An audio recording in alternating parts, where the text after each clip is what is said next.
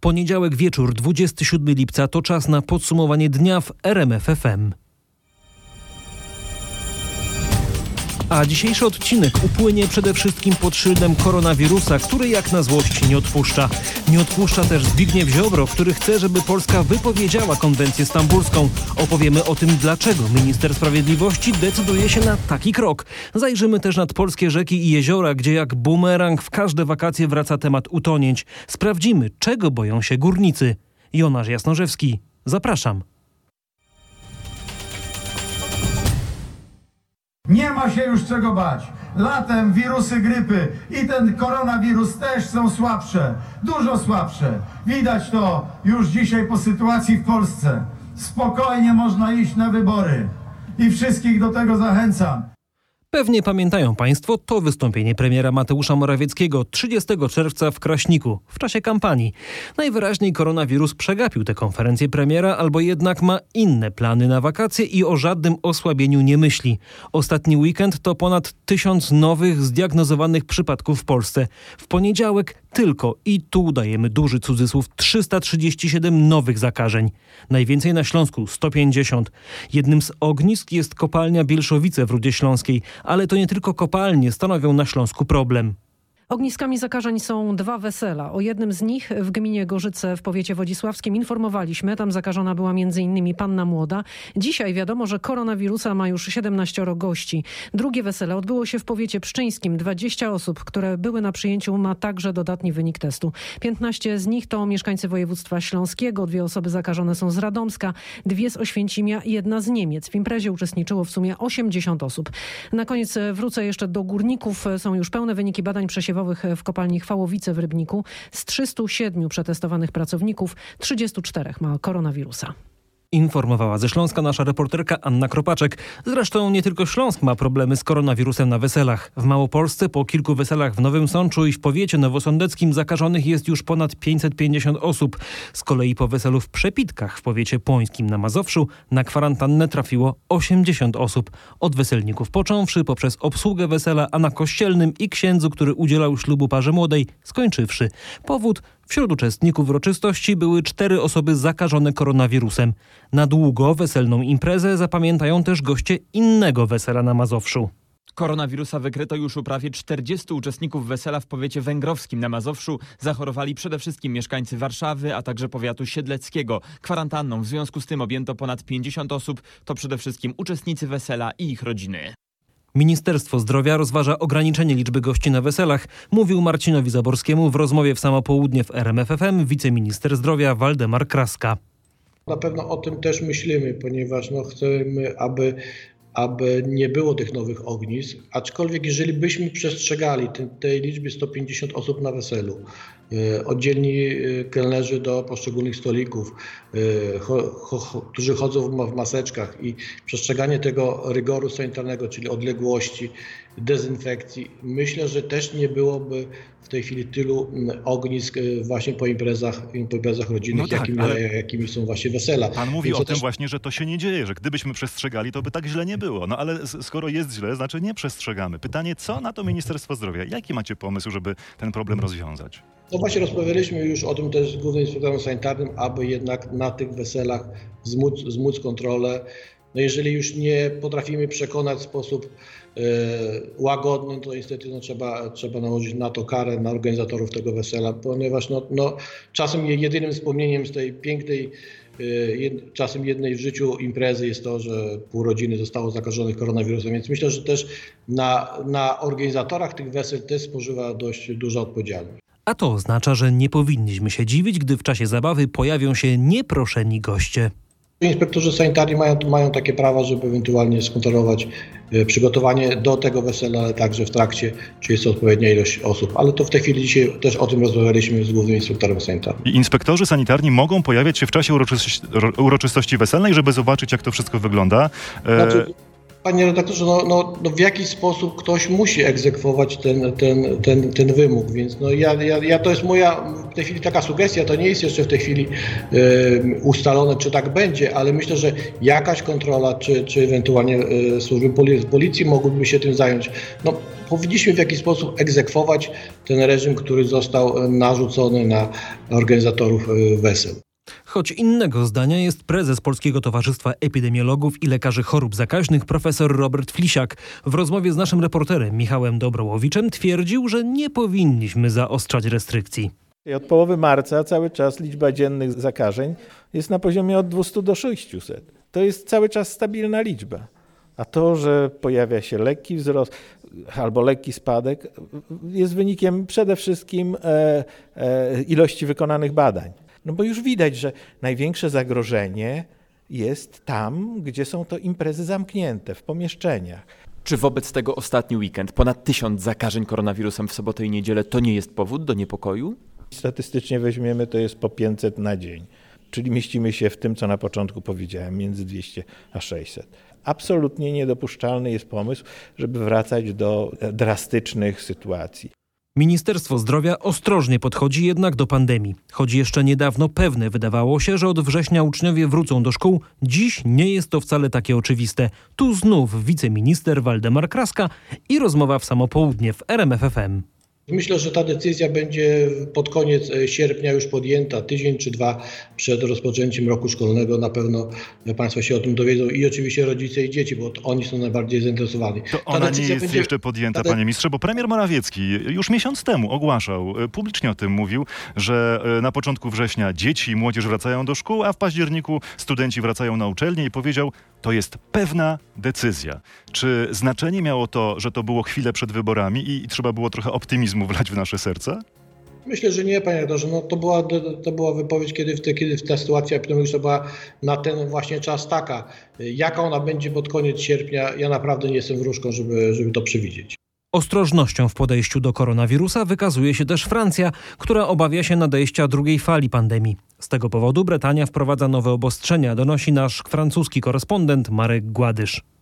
Władze Brytanii w porozumieniu z Ministerstwem Zdrowia zakazały m.in. organizowania plenerowych dyskotek nad brzegiem morza. Apelują do rodziców nastolatków, którzy dotąd spędzali w nocy długie godziny tańcząc na plażach, by wyjaśnili swoim dzieciom, że to właśnie na tego typu imprezach koronawirus najszybciej się rozprzestrzenia, nawet pod gołym niebem. Jeżeli to nie wystarczy, zamknięte mają zostać wszystkie kawiarnie i bary w najbardziej turystycznych kurortach Brytanii, a liczba osób wpuszczanych w czasie dnia na niektóre plaże może zostać ograniczona. A niektóre francuskie kurorty oferują wczasowiczom bezpłatne testy na koronawirusa. Bezpłatne testy wykrywające COVID-19 wykonywane są w specjalnych plażowych punktach Akwitanii i innych nadatlantyckich regionów Francji bez konieczności umawiania się na konkretną godzinę. Mogą się im poddawać wczasowicze na przykład idący się opalać czy wracający do hoteli po kąpielach w oceanie. Władze mają nadzieję, że dzięki temu uda się odizolować zarażone osoby od pozostałych urlopowiczów i uniknąć w czasie letniego sezonu wakacyjnego paniki, która mogłaby być katastrofalna w skutkach dla branży turystycznej. Restrykcje zaostrza też Belgia, w której ostatnimi czasy notowano około 270 przypadków koronawirusa dziennie, o czym donosi Katarzyna Szymańska-Borginią. Teraz rodzina nie będzie już mogła spotykać 15 osób, a tylko 5. Także koniec z grupowym wychodzeniem do sklepu. Zakupy będzie mogła robić tylko jedna osoba przez maksymalnie 30 minut. Telepraca jest nadal wysoce rekomendowaną formą pracy. Restrykcje te mają być utrzymane przez najbliższe 4 tygodnie. Chodzi o to, żeby zatrzymać, a nawet odwrócić tendencję zwyżkową, jeżeli chodzi o liczbę dziennych zakażeń. Premier Belgii tłumaczy także, że restrykcje te mają zapobiec ponownej ogólnonarodowej kwarantannie zakłóceniu w powrocie do szkoły we wrześniu. Koronawirus krzyżuje plany także Hollywood. Kto czeka na powrót Toma Cruza w drugiej części filmu Top Gun, poczeka dłużej niż zakładano. Kiedy zobaczymy na ekranie podniebne akrobacje Pita Mavericka Michela? No nie w grudniu, a 2 lipca przyszłego roku. Słyszę ten jęk zawodu, ale wytwórnia Paramount już podjęła decyzję. Przesunięte są też premiery aktorskiej wersji Mulan i nowego filmu Christophera Nolana Tenet. Tom Holland w roli Spidermana wróci w grudniu przyszłego roku. James Cameron kolejne części Awatara przesunął o rok, czyli najnowszy będzie w 2022, a nowe Gwiezdne Wojny będą dopiero w 2023. Nie tylko najsłynniejszy pilot myśliwca przegrał batalię z pandemią. Wyższość COVID-19 musiał uznać też słynny agent 007. Według nieoficjalnych informacji Katarzyny Sobiechowskiej-Szuchty na premierę najnowszych przygód Jamesa Bonda też będziemy musieli poczekać do wakacji 2021 roku. Koronawirus nie ma więc litości nawet dla superbohaterów, podobnie jak nie miał litości dla gospodarek praktycznie każdego kraju na świecie. Choć te powoli budzą się do życia po kilkumiesięcznym lockdownie, to nie powinniśmy mieć złudzeń. Do normalności jeszcze długa droga, twierdzi szefowa Międzynarodowego Funduszu Walutowego Krystalina Georgiewa w rozmowie z naszym amerykańskim korespondentem Pawłem Żuchowskim. This is a crisis like no other. Zacznijmy od tego, że jest to kryzys, jakiego jeszcze nigdy nie doświadczyliśmy. Jest naprawdę źle. Przewidujemy w tym roku minus 4,9%. To najgorszy wynik od czasów recesji w latach 30. XX wieku. Co chcę podkreślić naszym słuchaczom, to prawdziwy światowy kryzys. 95% świata skończy rok 2020 gorzej niż go zaczęli, z niższym dochodem na głowę mieszkańca, powiedziała mi Krystalina Georgiewa, szefowa IMF. Dodała, że skala odpowiedzi rządów, państw i instytucji międzynarodowych była mm, większa niż kiedykolwiek. Jednak to dużo gorszy kryzys. Szefowa IMF chwali za to Polskę za walkę z koronawirusem. Tak uważa, że podjęto szybko odpowiednie kroki, a także, że zaraz po uderzeniu pandemii Polska wprowadziła środki przeciwko rozprzestrzenianiu się choroby. Zauważa też inne działania. Narodowy Bank Polski podjął słuszne decyzje, obniżając stopy procentowe prawie do zera, jednocześnie dokonując zakupów na rynku wtórnym, dając bodziec dla wsparcia gospodarki. To wszystko pomaga. Jeżeli miałabym przekazać jakąś wiadomość dla polskich władz, zostańcie na kursie. Stwierdziła. Dodając, nie wycofujcie wsparcia zbyt wcześnie. Ze Stanów Zjednoczonych wróćmy do Polski. Tu minister sprawiedliwości Zbigniew Ziobro złożył wniosek do minister rodziny o rozpoczęcie procedury wypowiedzenia konwencji stambulskiej zwanej antyprzemocową. Wyjaśnieniom powodów tej decyzji przysłuchiwał się Patryk Michalski. Zbigniew Ziobro twierdzi, że konwencja poza przepisami chroniącymi przed przemocą promuje podstępnie, tu cytat, ideologię gender i zasady niezgodne z religią i kulturą. Ministrowi Sprawiedliwości nie podobają się m.in. fragmenty równościowe dotyczące osób homoseksualnych czy promowanie edukacji seksualnej. Nie podoba mu się również brak zapisów, że alkohol czy dopalacze mogą stać się źródłem przemocy. Według niego polskie przepisy są bardzo restrykcyjnie i wystarczająco chronią przed przemocą. To stanowisko ministra Sprawiedliwości i polityków Solidarnej Polski, bo oficjalnie rząd nie przyjął stanowiska w tej sprawie. Zbigniew Ziobro w swoich wypowiedziach naciskał na koalicjantów. Podkreślał, że wypowiedzenie konwencji było jednym ze zobowiązań wyborczych. Lojalnie wobec swoich e, partnerów koalicyjnych występujemy z takim wnioskiem i oczekujemy, by nasz wspólny przyjęty program został zrealizowany. Ufam, że tak się stanie. Mówił minister sprawiedliwości. Nadal jednak można zadać pytanie, dlaczego akurat teraz Zbigniew Ziobro podważa dokument, którego treść jest znana od 2011 roku.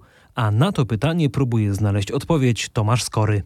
Właśnie to jest najważniejsze, bo po zastanowieniu trzeba dojść do wniosku, że nie chodzi o samą konwencję, ale o rządowe wpływy Zbigniewa Ziobry. Nagłe oburzenie byłoby wiarygodne, gdyby nie to, że dokument jest znany od ponad 9 lat, a obowiązuje w Polsce od 5, czyli niemal dokładnie tyle, ile rządzi Zjednoczona Prawica, która jak dotąd w tej sprawie nie zrobiła nic. Co więcej, wyraźnie pomijane jest to, że Polska, podobnie jak inne kraje, ratyfikowała konwencję zastrzegając, że będzie ją stosować tylko zgodnie z zasadami i przepisami naszej konstytucji, a niektórych postanowień przestrzegać nie zamierza. Tak Taki był wynik czteroletniej debaty przed uznaniem dokumentu przez nasz kraj. Nagła aktywność ministra Ziobry w tej sprawie to nic innego jak strach jego partii przed utratą stanowisk w rządzie, twierdzą nieoficjalnie politycy PiSu. Przyznają też jednak, że ze sprawą mają kłopot, bo i oni entuzjastami konwencji nie są.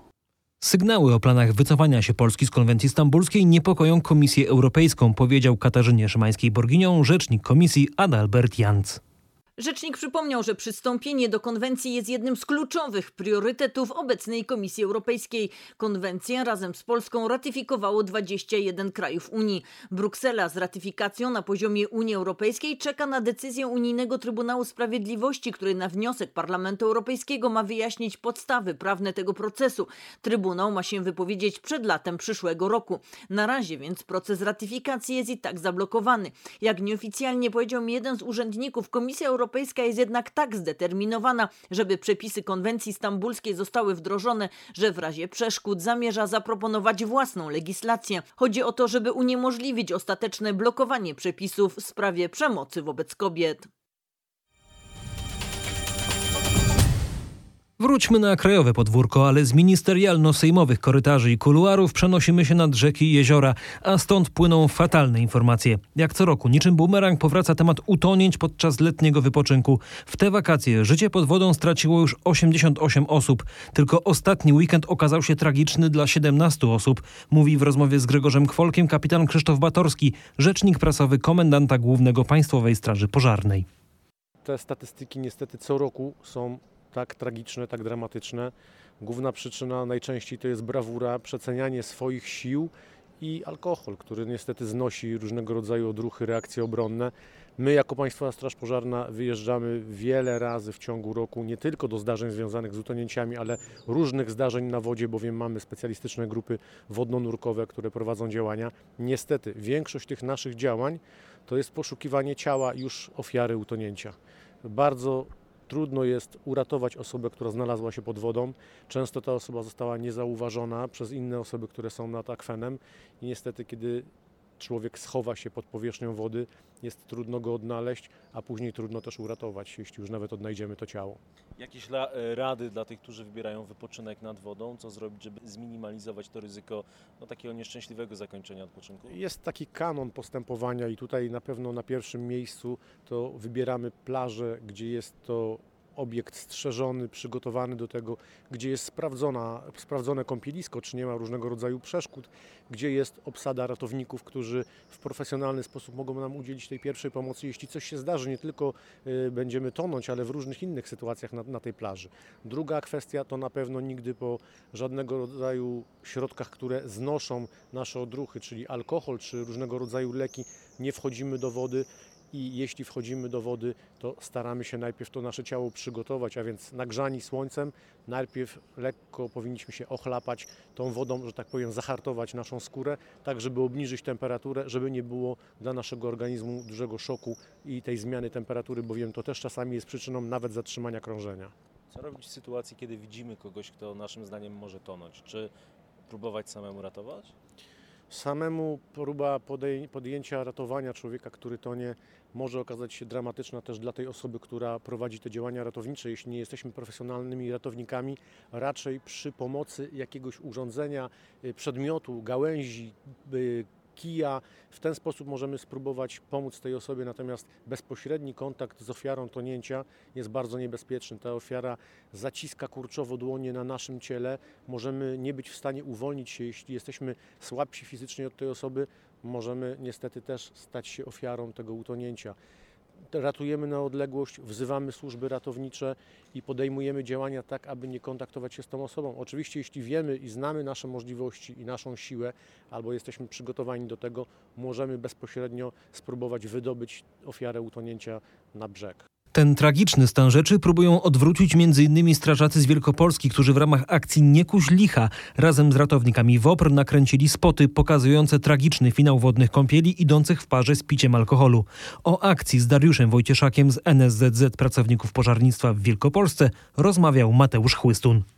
Jest grill, jest alkohol i jest brawurowe, odważne wejście młodego człowieka do wody, które się kończy tragicznie. Po pierwszym odcinku, który nagraliśmy, no odzew był niesamowity, bo, bo przeszło pół miliona odsłon. Gotowy odcinek będzie na ten weekend, a cały czas miejmy na uwadze to, że coraz więcej ofiar, wakacje zbliżają się do półmetka i oby nie było takiej powtórki jak ten weekend, gdzie 17 osób utonęło. Pierwszy ze spotów znajdziecie na rmf24.pl.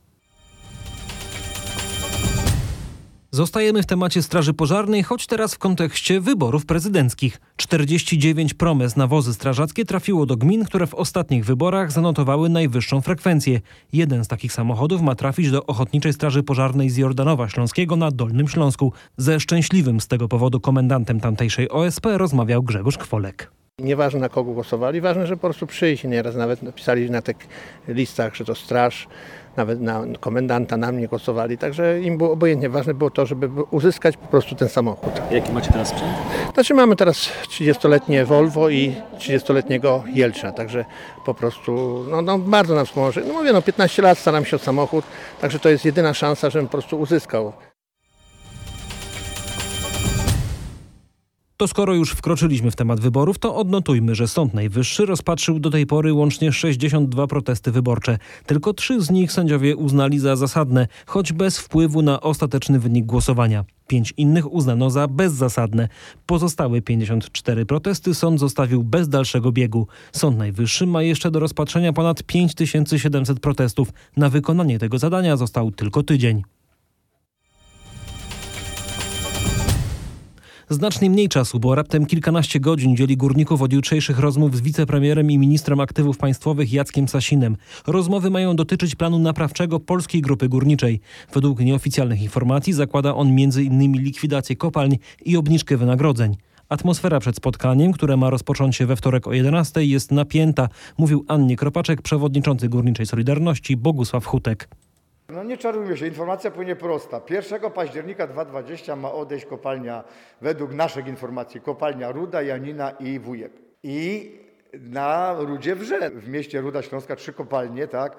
No to przecież tam się chyba wszystko powinno ruszyć, samorządowcy wszyscy, bo tam będzie Armagedon, no tam nie będzie pracy nigdzie. Jutro prosto z mostu przedstawią, dadzą coś na papierze, my wracamy, idziemy do ludzi, mówimy jak wygląda sytuacja, no i decyzje, no i tyle. Najprawdopodobniej będzie się reaktywował Międzyzwiązkowy Komitet Protestacyjno-Strajkowy Regionu Śląsko-Dąbrowskiego, tak to było kiedyś, w 2015 roku, potem dalej, jak był strajk generalny na Śląsku, także to się w tym kierunku zmierza. No, widocznie rząd dojrzał do tego, żeby się rozprawić z górnictwem, chce się rozprawić z górnictwem, no to my podejmiemy rękawice i będziemy walczyć o każde miejsce pracy. A w podsumowaniu dnia czas na sport. W siedzibie PZPN rozlosowano pary pierwszej rundy Totolotek Pucharu Polski. Legia Warszawa, Lech Poznań i broniąca trofeum Krakowia na początek powalczą z pierwszoligowcami. Mistrz Polski pojedzie do Bełchatowa na mecz z miejscowym GKS-em. Lech Poznań zagra w Opolu z Odrą, a rywalem pasów będzie Chrobry Głogów. Najciekawiej zapowiada się starcie Górnika Zabrzy z Jagiellonią Białystok. To zostajmy jeszcze przy zdobywcy Pucharu Polski, czyli Krakowi. Podopieczni Michała Probierza w nowy sezon piłkarskiej Ekstraklasy wejdą z ujemnymi punktami. Komisja dyscyplinarna PZPN pozbawiła klub pięciu punktów za ustawienie 19 meczów ówczesnej drugiej ligi w sezonie 2003-2004. Oprócz tego klub zapłaci milion złotych kary. Krakowia podda się karze dobrowolnie.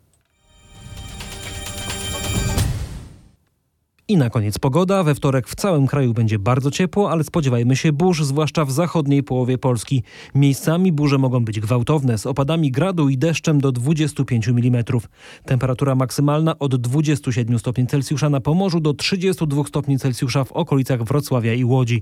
Wiatr słaby i umiarkowany, południowy i południowo-zachodni. W czasie burz porywy wiatru do 90 km na godzinę. IMGIW wydał dziś ostrzeżenia pierwszego stopnia przed burzami z gradem dla Podlasia, Lubelszczyzny oraz Podkarpacia. Alertem objęte są też południowe powiaty Małopolski, Tatrzański, Nowotarski, Nowosądecki, miasto Nowy Sącz oraz powiat Gorlicki. To wszystko na dziś. Najważniejsze fakty co godzinę w RMF FM i non-stop na rmf24.pl. A ja zapraszam na jutro. Jonasz Jasnorzewski, dziękuję i do usłyszenia.